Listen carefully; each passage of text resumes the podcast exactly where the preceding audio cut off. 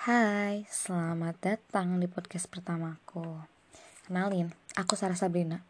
Di sini aku punya topik nih. Kita bakal ngomongin tentang demokrasi Indonesia. Sebelumnya, aku bakal jelasin apa sih demokrasi itu.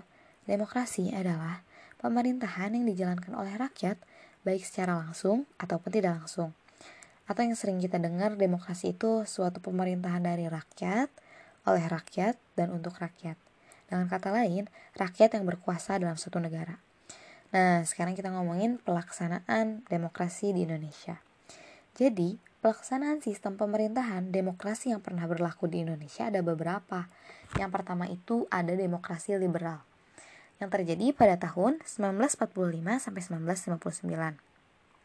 Ada beberapa peristiwa penting di demokrasi liberal ini disahkannya UUD 1945 sebagai UUD Negara Republik Indonesia, disahkannya Pancasila sebagai dasar negara, dan ditetapkannya Soekarno-Hatta sebagai presiden dan wakil presiden pertama di Indonesia. Tapi kayak 9, 9 tahun tuh kayak gak nunjukin hasil apa-apa gitu dari demokrasi liberal ini tuh. Sampai akhirnya dibuatlah demokrasi terpimpin, jadi kita pindah tuh ke demokrasi terpimpin. Yang terjadi pada tahun 1959 sampai 1965. Atau masa Orde Lama di demokrasi ini banyak penyelewengan terhadap Pancasila dan UUD. Salah satunya itu terbitnya TAP MPRS nomor 3 pada tahun 1963 tentang pengangkatan Soekarno sebagai presiden seumur hidup. Udah penyelewengan banget gak sih? Masa kita gak punya hak buat ganti pemerintahan? Akhirnya pemerintahan Orde Lama jatuh setelah pemberontakan G30 SPKI. Diikuti dengan krisis ekonomi yang cukup parah dan terbentuklah Orde Baru. Orde Baru ini tuh terjadi pada tahun 1966 sampai 1998. Pada masa ini yang menjadi pemimpin bangsa kita adalah Soeharto. Bisa dibilang Soeharto itu menyalahgunakan wewenangnya sebagai seorang presiden gitu loh. Sampai kayak rakyat tuh nggak percaya masa sama, sama pemerintahannya.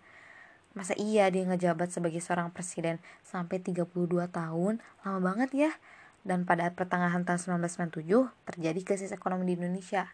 Akhirnya rakyat gak tahan lagi tuh sama pemerintahan Soeharto.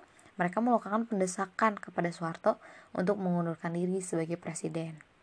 B.J. Habibie yang saat itu menjabat sebagai wakil presiden ditunjuk untuk menjadi presiden hingga sidang umum MPR. Jadi kayak ditunjuk aja langsung karena nggak ada presiden kan. Ya udah ditunjuklah B.J. Habibie. Dan yang terakhir ada era reformasi pada tahun terjadi pada tahun 1998 sampai sekarang. Nah, jadi reformasi itu terlahir tuh karena anti klimaksnya pemerintahan Soeharto. Sampai akhirnya pas Soeharto udah turun, ada banyak pelanggaran HAM sama maraknya KKN, korupsi, kolusi dan nepotisme.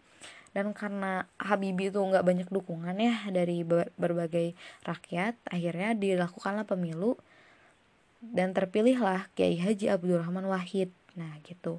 Sampai akhirnya uh, ya udah deh pemilu akhirnya kayak diganti lagi sama Megawati dan akhirnya pemilu pertama secara langsung terja terjadi pada tahun 2004 dan dinobatkannya pasangan Pak SBY sama Pak Yusuf Kala kayak gitu. Dan tahu nggak sih sebenarnya uh, orde Baru sama reformasi itu disebutnya demokrasi Pancasila. Jadi sebenarnya kita tuh lagi ada di demokrasi Pancasila. Dan demokrasi Pancasila itu apa sih? Demokrasi Pancasila adalah demokrasi yang berintikan sila keempat Pancasila dan diintegrasikan dengan sila-sila lain dalam Pancasila. Dan Darji Darmo Diharjo juga mengemukakan bahwa demokrasi Pancasila adalah paham demokrasi yang bersumber kepada kepribadian dan falsafah hidup bangsa Indonesia yang perwujudannya seperti dalam ketentuan-ketentuan pembuka UUD 1945. Bisa dibilang berarti kita ada di demokrasi Pancasila ya gitu. Ya berarti sebenarnya demokrasi Pancasila itu demokrasi yang sebenarnya terakhir lebih lebih baik daripada yang lain gitu. Karena di demokrasi Pancasila ini berasas kekeluargaan. Terus kalau misalkan pemerintahannya itu e, pemerintah demokrasi Pancasila itu kalau misalkan ada ketidaksetujuan tuh ada musyawarah untuk mufakat gitu. Jadi benar-benar musyawarah eh, demokrasi Pancasila itu e, demokrasi kekeluargaan banget. Jadi bisa dibilang demokrasi terbaik untuk saat ini gitu. Semoga aja negara kita makin baik ya demokrasinya gitu. Segitu aja podcast dari aku semoga bermanfaat. Dan dah selamat beraktivitas